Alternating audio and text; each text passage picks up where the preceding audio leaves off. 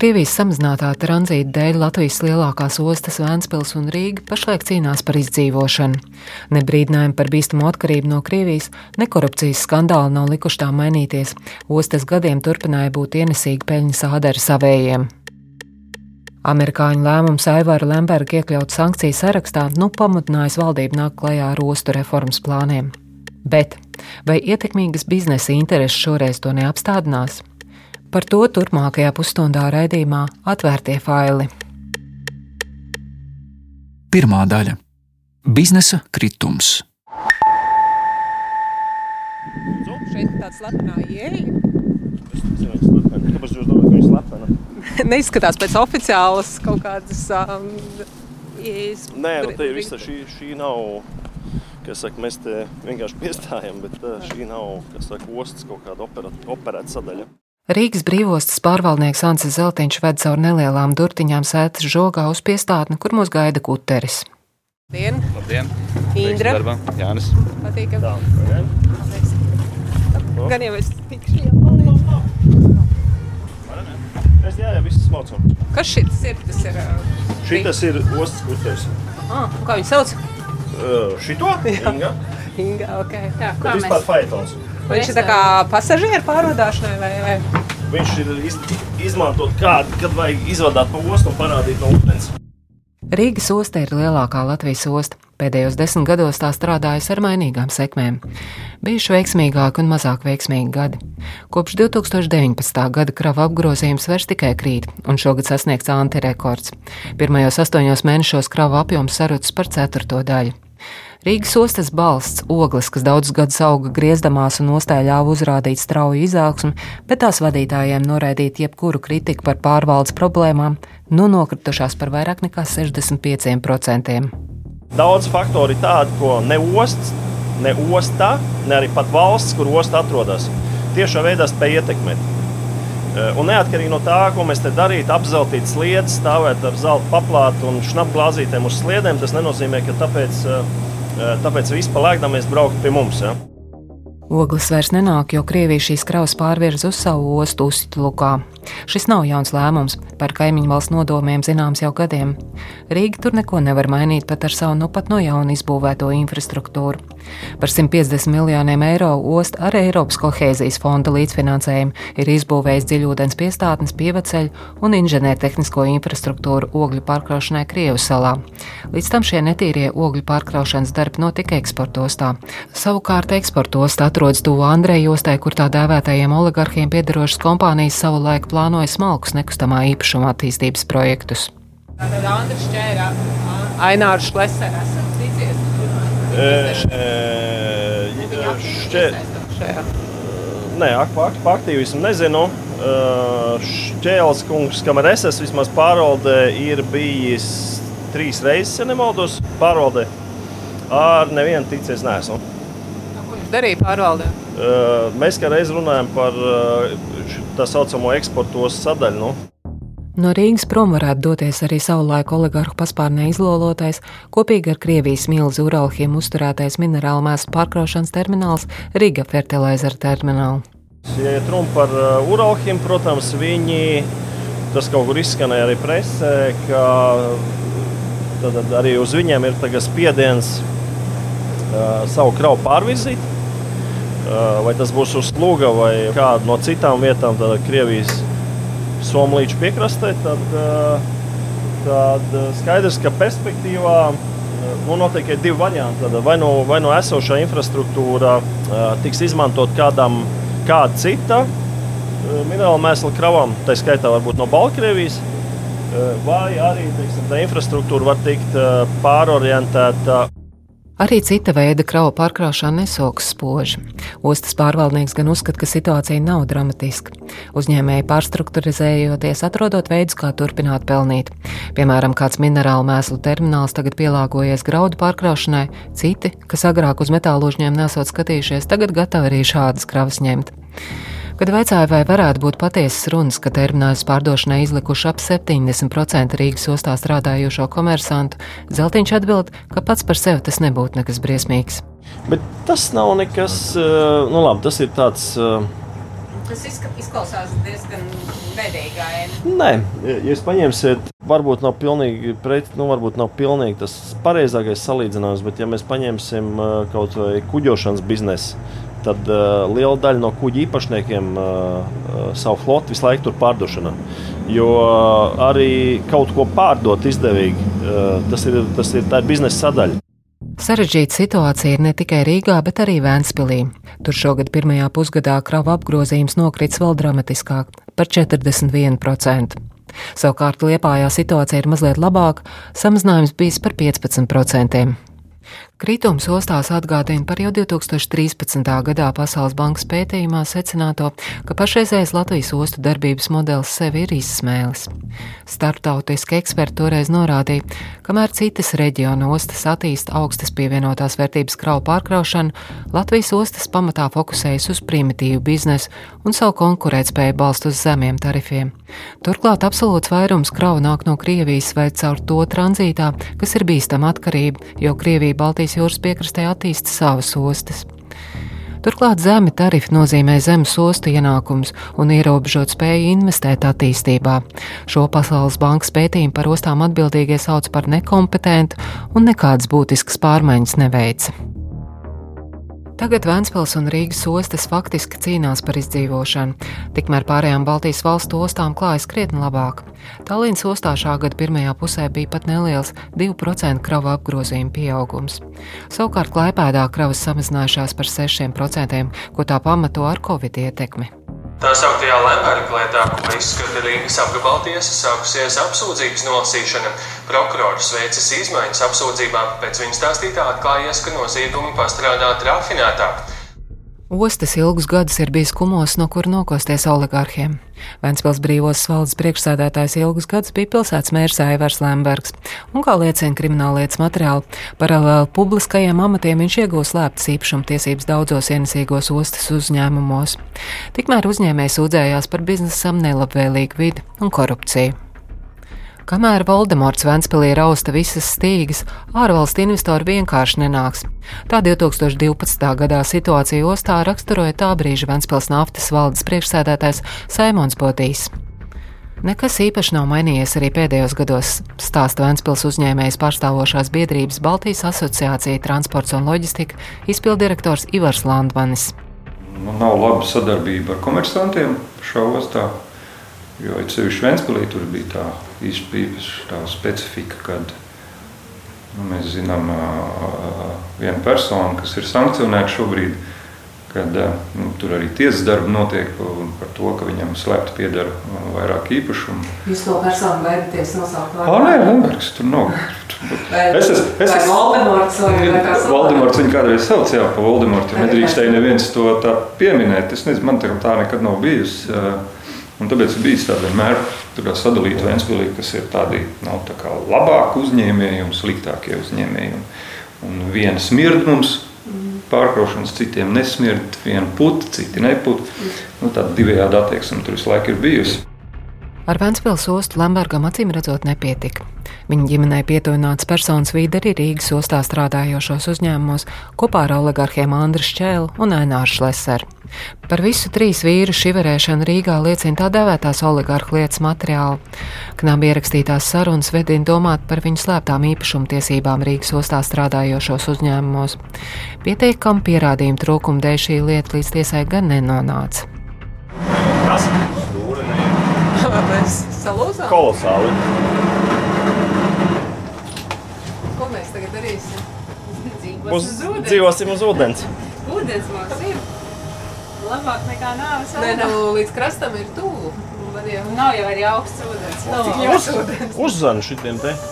Ja, nu te mums kapteiņdienas, mēs neesam sliktākā Mēs neesam vietā. sliktākā pozīcijā, jā. Bet, Tomēr mūsu... Kas man būtu jāsacina par uh, jūsu īpašumu stāvokli? Nu, kā to pateikt, tehnika ir tehnika. Otrā daļa - ar biznesu jādalās. Спасибо, что согласились рассказать. Всегда рады. Andrejs Jurčenko ir uzņēmējs, kas vairāk nekā 25 gadus darbojas atkritumu savākšanas biznesā. Šā gada pavasars viņam nesa labas ziņas. Gad arī pēc desmit gadus ilgas cīņas notika būtisks pavērsiens tiesvedībā Rīgas brīvos pārvaldi.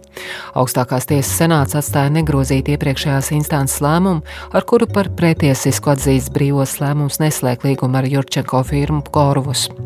Firma daudzus gadus apkalpoja kuģus Rīgas ostas akvatorijā, bet tad 2010. gadā no ostas biznesa to faktiski izspieda. Tiesas lēmums firmai tagad paver iespējas piedzīt no Rīgas brīvos pārvaldes zaudējumus. Precīzi summu Jurčenko vēl nevar nosaukt, taču lēš, ka tas varētu būt amplitūdā no 5 līdz 10 miljoniem eiro. Mums ir tiešie zaudējumi, ko apliecina bilances rādītāji par visu šo periodu, par desmit gadiem. Zaudējuma aprēķinā firma grasās iekļaut piemēram izdevumus par kuģa Nevo uzturēšanu desmit gadu laikā. Šo kuģi korus iegādājās, lai ostā iebraukušiem kuģiem sniegt piesārņotā ūdens pieņemšanas pakalpojumus. Tāpat plānots piedzīt neiegūto peļņu. Kā atminis Jurčenko, uzņēmējdarbības vide Rīgas ostā pasliktinājusies, kad pārvaldnieku gaitas sāk Leonīds Loginovs. Pirms Anša Zeltiņa viņš šo amatu ieņēma gandrīz 20 gadus. Atkrituma biznesa, kurā iepriekš darbojušies vairāk pakalpojumu sniedzēji, gadu gaitā faktiski nonāca vienas kompānijas rokās. Šī kompānija ir Eko Osta, kuras īpašniekos ap to laiku arī varēja manīt oligarhu pēdas. И знаете, как вот есть в России, да? Ziniet, Krievijā tā dēvētā reideriskā sagrābšana notiek ļoti skarbi, ar šaušanu, upuriem, bet šeit notika tādā latviskā garā, kad tu sēdi uz soliņa, kā uzskati kopā ar savu partneri, bet viņš tevi lēnām, lēnām stumj malā un smaida, sakot, viss ir kārtībā. Tā notika, un mēs palikām bez pieejas Rīgas ostai. И вот так вот произошло. И мы оказались без доступа в Рижский порт. Jurčenko stāsta, ka konkurences cīņā izmantotas negodīgas metodes. Piemēram, kādas atļaujas saņemšanai darbam ostā, tās pārvalde prasīs vispirms saņemt vidas dienesta atļauju. Savukārt vidas dienas solīja atļauju sniegt tikai tad, kad osta būs noslēgusi līgumu. И Kad mēs sapratām, ka tas ir futbols, sākām meklēt variantus, kā to risināt. Man nebija personisku tikšanos ar Loginovu kungu par viņa personisku atlīdzināšanu, taču caur cilvēkiem, ar kuriem tikos, man ienāca šādi priekšlikumi, ka labāk ir ar viņu vienoties, nevis konfliktēt. Kad mēs vaicājām, par kādu summu varētu būt runa, mums atbildēja 50% no apgrozījuma nepēļņas. Sabarotam, nespēļņa. Tolaik maksu par atkritumu savākšanu no kuģiem iekasējusi osta, un tā tālāk katru mēnesi norēķinājusies ar pakalpojumu sniedzējiem. То, что оно было наглым, да, это... Tas, ka tas bija nekaunīgi, jā, tas mums bija šoks, bet tas, ka tāda situācija ir, to mēs jau zinājām no PKL. Мы это знали по ситуации с ПКЛ. Jurčenko piemin Igaunijas velkoņu kompāniju PKL, kas Rīgas brīvostā strādāja no 2000. gada sākuma, bet ap 2008. gadu uz septiņiem gadiem tika brutāli izstumta no velkoņu tirgus. Toreiz Rīgas brīvost izdomāja, ka pati veiks šo pakalpojumu. Rīgas kuģa būvētavā par dārgu naudu pasūtīja divus velkoņus, no kuriem vienu nokristīja pārvaldnieka Logino meitas Santas vārdā. Brīvos sāka pati savu velkoņu biznesu, kurā pelnīja arī Loginovs. Paralēli pārvaldnieka amatam viņš piestrādāja ostas meitas kompānijā Rīgas brīvostes flote, kas operēja ar velkoņiem. Gadā šajā uzņēmumā Loginovs piepelnīja ap 50 tūkstošiem eiro. Šis stāsts ir sens. No Rīgas brīvostas kabatas tas jau ir izmaksājis ap 4 miljoniem eiro. Tajā skaitā 850 tūkstoši eiro brīvost bija spiesta samaksāt konkurences padomus piemērotajos sodos, bet 3,3 miljonus PKL flote piedzina zaudējumos. Par spīti dažādiem skandāliem Loginovs palika amatā. Pārdzīvojis nevienu mēģinājumu viņu atcelt vai reformēt ostu, pirms trījiem gadiem Loginovs no amata aizgāja pats. Jurčenko uzskata, ka Loginovam joprojām ir liela ietekme uz lēmumu pieņemšanu, un arī pēc zeltiņa atnākšanas Rīgas ostā nekas nav mainījies. Мы хоть и не присутствуем на заседаниях Рижского порта, да, Mums ir partneri ostā, kas ir pietiekoši lojāli un var pastāstīt to, kas runāts ostas sapulcēs ar stividoriem un citiem. Tur bija arī Loginovs. Kāds no vadības skaidrojas, ka ostā ir krīze, vajadzīgi krīzes menedžeri, un mums ir Loginovs, kurš vienmēr var mums palīdzēt un pateikt, kā mums strādāt un attīstīties. Oficiāli viņš nestrādā, bet tas, ka viņam ir ēnu ietekme, varbūt ne uz visiem lēmumiem, bet strateģiskajiem lēmumiem, tur, kur var nopelnīt, tur, es domāju, viņš viennozīmīgi piedalās. Стратегически там, где можно, ну, образно говоря, заработать. Так, я думаю, он там присутствует однозначно. Pašreizējais Rīgas brīvos pārvaldnieks Ansis Zeltiņš gan noliedz Loginovu ietekmi. Satikt gan viņu satiekot. Tomēr, gatavojot šo raidījumu, dažādi avoti apstiprina, ka Loginovs joprojām piedalās sanāksmēs, kur risina ostu jautājumus. Arī intervija ar Latvijas radio Loginovs norunā tieši Rīgas brīvostas telpās. Labdien, Īdra! Jā, Lēlis. Uz interviju Loginovs ierodas ar nelielu nokavēšanos. Automašīnu Range Rover, kuru rotā numurzīme ar pašu iniciāļiem, viņš novieto tieši pie brīvos pārvaldes ieejas. Ienākot vispirms sarokojas ar ostas policistiem. Kurš gribēja? Nu, sliktākā gadījumā mēs varam kafejnīcā pie galdiņa. Nu, kur tur var Ā, ārā. atsevišķi telpu un nekas Ā, netrokšņo. Te mēs tiksim, ja? Jā, ko jau atvērt došu. Pārvaldes policisti bez prasīšanas atver pieeja citādi noslēgtam telpas galam, kur iespējams netraucētu aprunāties. Pēc Loganau teiktā, viņš šobrīd neko īpaši nedarot. Kad sezona vēl nebija beigusies, vedis ekskursantus uz Roņu salu. Kopumā gan Covid esot izmainījis arī viņa dzīves ritmu. Bet tā jūs principā pa Latviju. Nē. Un tagad ar tiem koidiem te tikai valsts var kainolos. Kur tad jūs tur kaut ko citur tajās salās, kur jums te nebija pēļņa? Jā, no visur, kur ir viss kaut kas. Loginovs arī apmeklējis kādu sanāksmu satiksmes ministrijā, kur runāts par ministra Tāļa Linkaita plānoto ostu reformu. Uz to viņš pieteicies kā Rīgas brīvostas komersantu pārstāvis. Pēc sanāksmes Loginovs slavēja gan reformu, gan Linkaiti.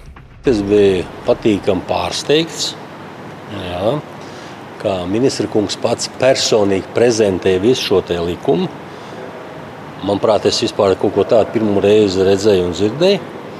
Pie tam augstā profesionālā līmenī. Man, eh, diemžēl, ar viņu nav nekādas attiecības, ja, bet, nu, manuprāt, eh, viņš ir tas cilvēks, kas iedziļinās lietas būtībā un kas viņu arī saprot. Savukārt par brīvostē nodarītiem zaudējumiem, kas PKL velkoņu lietā vien veido 4 miljonus eiro, Loginovs atbildīgs nejūtas. Visus lēmumus esot pieņēmusi ostas valde. PKL nav vienīgais. Arī Korvus ā, sūdzējās par izspiešanu un tagad gatavs vērsties ar ā, prasību. Korvus, ja es nemaldos, jā, jā. Nu, Kor- Korvus eh, tiesēs ar ostu visus gadus, un visas tiesvedības Korvus zaudēja. Nav, nav taisnība. Nu, pat augstākās tiesas senāts. Nu, pat es nezinu. Nu, pat es neko mīļā sirds nezinu. Tas bija tad, kad es tur biju. Vai jūs neatzīstat, ka kaut ko nepareizi tobrīd tā kā būtu Nu, darījuši? nepareizi, jā. Neko pilnīgi nepareizi mēs tur nevarējām izdarīt. Savukārt Jurčenko un PKL bijušā padomas priekšsēdētāja savulaik publiski stāstīto par kukuļu prasīšanu par labvēlīgiem lēmumiem Rīgas brīvostā Loginovs noliedz. Tikos ar Jurčenko kungu viņš arī stāstīja par to, kā to laiku, ap 8. un 9. gadu, kad viņš risinājis tās problēmas no pastarpinātiem cilvēkiem, kas ir ap jums, viņš saņēmis nu, tādu ziņu par to, ka viņam ir jādalās ar ienākumiem ā, 50%. Faktiski kukuls jāmaksā. kāpēc tā 50, kāpēc ne 90? Viņš teica, ka tas bija ļoti nekaunīgi. Ā, 50 tikai, jā. Mm. Man tas viss liekas smieklīgi. Bet PKL arī runāja, tas varbūt, jā. priekšsēdētājs par kukuļu izspiešanu. Es ar PKL vispār neesmu nekad runājis. Ne pa 50, ne pa 90, ne pa 150. Bet uh, jūs droši vien esat publiski dzirdējuši šos apvainojumus. Vai tiešām tur tikai tukši ziniet, ar, un ne, jā, nekā ne, es, pamatā? Es pirmkārt saprotu, tāds joks nekad neesmu dzirdējis. Es domāju, ka visi Latvijas zina, ka man nekad kukuļi un atkati nekad nav interesējuši. Itin nekad. Trešā daļa - Kā nenogāzt valdību? ASV iekļāvušas smagos noziegumos apsūdzēto un no amata pienākumu pildīšanas atstādināto Vēncpils mēru Aivaru Lembergu globālajā Magnītiskas sankciju sarakstā. Lembergs iekļauts sarakstā kā amatpersona vai bijusī amatpersona, kura atbildīga vai tieši vai netieši iesaistīta korupcijā. Korupcija atņem savu valsts iedzīvotājiem resursus, pamata pakalpojumus un ekonomiskās iespējas, kamēr tā padara bagātus dažus atsevišķus cilvēkus un veicina vidas iznīcināšanu, politisko nestabilitāti un konfliktus. Tā ASV finanšu ministrs pērn 9. decembrī skaidroja, kādēļ ASV, balstoties uz tā dēvēto Magnītiska likumu, nosaka sankcijas pret Latvijas pilsoni Aivaru Lembergu. Šis lēmums bija kā zibens spēriens Latvijas politiskajā vidē. Sākās aktīva rosība, lai no sankcijām līdz ar Lembergu neciestu uzņēmēji, un tika spērts pirmais solis reformai, kurai politiķi nav spējuši saņemties turpat 20 gadus. Rīgas un Vēncpils ostas savā kontrolē pārņēma valsts, izslēdzot pašvaldības, savukārt satiksmes ministrijai tika uzdots līdz šā gada jūlijam saimā iesniegt ostu reformas likuma projektus. Darbs drusku kavējās, taču likuma grozījumu šos var uzrakstīt. Plāns ir, manuprāt, ļoti vienkāršs. Stāsta satiksmes ministrs Tāls Linkaits no jaunās konservatīvās partijas. Atbilstoši tam, kā jau tika ierosināts gan 2002. gan 2012. gadā, tātad ostas pārvaldes pārveidot par uzņēmumiem, Un būtiskākais šajā pārveidošanā ir atteikties no politiski ieceltiem pārstāvjiem, dažādu ministriju pārstāvjiem, bet, kā jau tas ir Latvijā nolēmts attiecībā uz valsts un pašvaldību kapitāla sabiedrībām, rīkot konkursu uz profesionāliem valdes un padomes locekļiem. Līdz šim ostu valdes ir bijušas vienas no uzskatāmākajām politiskajām barotnēm. Valsts un pašvaldību vienādā proporcijā ieceltie valdes locekļi bija viena no vislabāk atalgotajām amatpersonām valstī. Ministrs šobrīd skaidri vēl nesaka, cik pārstāvu pašvaldībām šajās jauno kapitāla sabiedrību vadības institūcijās varētu būt.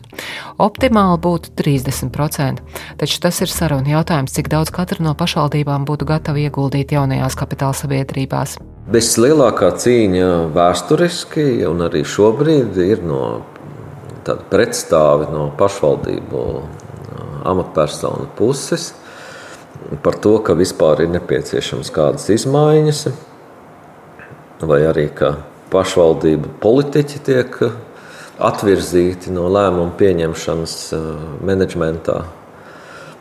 Tā, tā ir tā lielākā cīņa, kas pašlaik notiek. Un paši skaļākie ir liepainieki, bet ņemot vērā visu iepriekšējo pieredzi, es teiktu, viņi pārstāv visu trīs uh, pašvaldību tādu kopējo pozīciju. Liepais sevis pārveid par komerces sabiedrību uh, var uh, nu, teiksim, bremzēt investīcijas, jaunu uzņēmumu, jaunu ražotņu, jaunu terminālu veidošanu. Uz to norāda ekonomisti, lielu uzņēmēji, investori ka tas ir neprāts. Liepājas sēž vadītājs Uldis Sasks skaidro, ka nezina nevienu valstī piedarošu kompāniju, kuru valsts sekmīgi vadītu reģionos. Turklāt Liepājas pašvaldība 24 gadus par šo teritoriju rūpējusies pašu spēkiem, bez valsts atbalsta, bet tagad valsts to visu gribot atņemt un atdot valsts kapitāla sabiedrībai, kuru pārvaldīs satiksmes ministrijas ierēģi. Tā doma jau ir veikt šo reformu, lai tos valdes locekļus un padomus locekļus vēlāk atlasītu konkursu kārtībā. Tad kāpēc jums ir tāda iebilduma pret to? Nav konkursu kārtībā ievēlēta. Nu, nu, ja pašvaldībai divi, ieklausieties, lūdzu, ja? divas trešdaļas pilsētas teritorijas ir liepais speciālās ekonomiskās zonas teritorijas. Un grib pārvaldīt satiksmes ministri iecelti uh, pārstāvji. Nu, kā jūs to iedomājaties? Kā tas ir iespējams? Kurš rīznieks uh, nāks tagad uh, rūpēties par to, lai karostu sakārtot? Arī Vēncpils mērs Aivars Lembergs kritizē reformu. Aiz karstajām cīņām par ostu pārvaldības maiņu uzmanības ēnā palikusi vēl kāda neliela detaļa. Sākotnēji likumprojekta redakcijā bija minēts, ka osta pati vai tās uzņēmuma veids maksas pakalpojums, tajā skaitā nodrošina velkoņu pakalpojumus diemžēl zinām, ka no brīvostām grūti dabūt kaut ko labi, bet visu laiku jābūt piesardzīgiem, lai nedabūtu pa purnu. Komentē PKL flotes valdes priekšsēdētājs Sergejs Odinsovs. Satiksmes ministrijas piedāvātajā redakcijā bija pateikts, ka ostas nevis kādreiz drīkst veikt velkoņu pakalpojumus, ja neviens cits privātais uzņēmējs to nepiedāvā, bet ka ostas nodrošina šādu pakalpojumu. Ostu valkoņu pakalpojumi ir viens no tiem pakalpojumiem, ko visās lielajās ostās nodrošina privātās kompānijas. Tas tā ir visā pasaulē. Tas ir normāli, un es tiešām nesaprotu, kāpēc ostai vajadzētu dot monopolu stāvokli uz šāda veida pakalpojumiem. Saka PKL flota padomas priekšsēdētājs Denis Lazarevs. Vēlāk ministrija atkāpās no šādas likuma redakcijas, paredzot iespēju, ka ostas var nodarboties ar uzņēmējdarbību, ja neviens komersants to nepiedāvā. Taču Lazarevs uzskata, ka problēma ir tā, ka Latvijas ostu pārvaldes veids arī tirgus regulātoru funkciju. In Estonia, I don't mind if the port would Piemēram, Tallinā es neiebilstu, ja osta sāktu piedāvāt šos pakalpojumus, jo tā būtu godīga konkurence. Igaunijas ostās mēs neesam atkarīgi no ostas amatpersonām. Mums nav licencēšana, mums nav vajadzīga viņu atļauja strādāt ostā, un ostas nenosaka cenas privātajiem pakalpojumiem. Bet Latvijā tas ir ļoti regulēts tirgus, un mēs esam ļoti atkarīgi no ostu amatpersonu lēmumiem. Ask their permission to work in the port. Vaicāja satiksmes ministram Tālim Linkaitim, kāpēc ostām ir jāļauj nodarboties ar komercdarbību. Osta nevar veikt savu darbību nu, neatrauti kā, kā vienkārši parasts uzņēmums. Ostas darbību regulē ostu regula. Bet kāpēc sākotnējā redakcijā bija noteikts, ka ostas nodrošina velkoņu pakalpojumus? Nu, tā būs ierēdniecība, uzskaitīja visus pakalpojumus, kādas potenciāli ir osta var sniegt. Ļoti labi atceroties visu stāstu par PKL. Visas šīs tiesvedības ir brīvostā. Un visu šo stāstu Jā. jūs, kā ministrs, iesniedzat likumprojektu, Jā. kurā ir rakstīta šī ostas Jā, bet funkcija. tie cienījamie kritiķi neizlasīja tālāk šo te tekstu, kādā veidā tiek pieņemts lēmums. Linkaits uzsver, ka visu regulē ostu regula, taču šie likuma grozījumi piesaistījuši arī konkurences padomus uzmanību, stāsta izpildirekcijas vadītājs Māris Spička. Tas tā kā, radīja tādas bažas, vismaz mums, no mūsu puses, sākotnējas un neizpratni, vai gadījumā nu, šajā visā ostu pārvaldes modeļa maiņas kontekstā nav arī kāda doma paplašināt ostu pārvalžu iespējas sniegt pakalpojumus plašāk, kā līdz šim viņas sniedza. Kā stāsta Spička, ostu kāri uz komercdarbību ir ļoti sena. Centieni ielobēt ostu likumos dažādus viltīgus priekšlikumus bijuši vairāk kārt. Arī pašlaik piedāvātā likumprojekta redakcija raisa jautājums, jo ar atsauci uz ostu regulu paredz iespēju ostām pašām piedāvāt daudzus pakalpojumus regula neparedz uh, monopolizēt vai arī dot tiesības uh, jebkurā gadījumā automātiski ostām uzsākt uh, komercdarbību ostā. Tas regulas mērķis šķiet ir tieši nu, pretējs. Šobrīd nav skaidrs, vai ostu reformu izdosies īstenot un kādā redakcijā tā beigu beigās būs. Kā jau mūsu politiskā procesā ļoti grūti prognozēt rezultātu. Iepriekšējās divas reizes, 2002. un 2012. gadā, bija nesekmīgas. Tāpēc es vismaz uzskatu, ka tas ir jādara ļoti uzmanīgi, lai mēs šajā diskusijā nenogāžam valdību.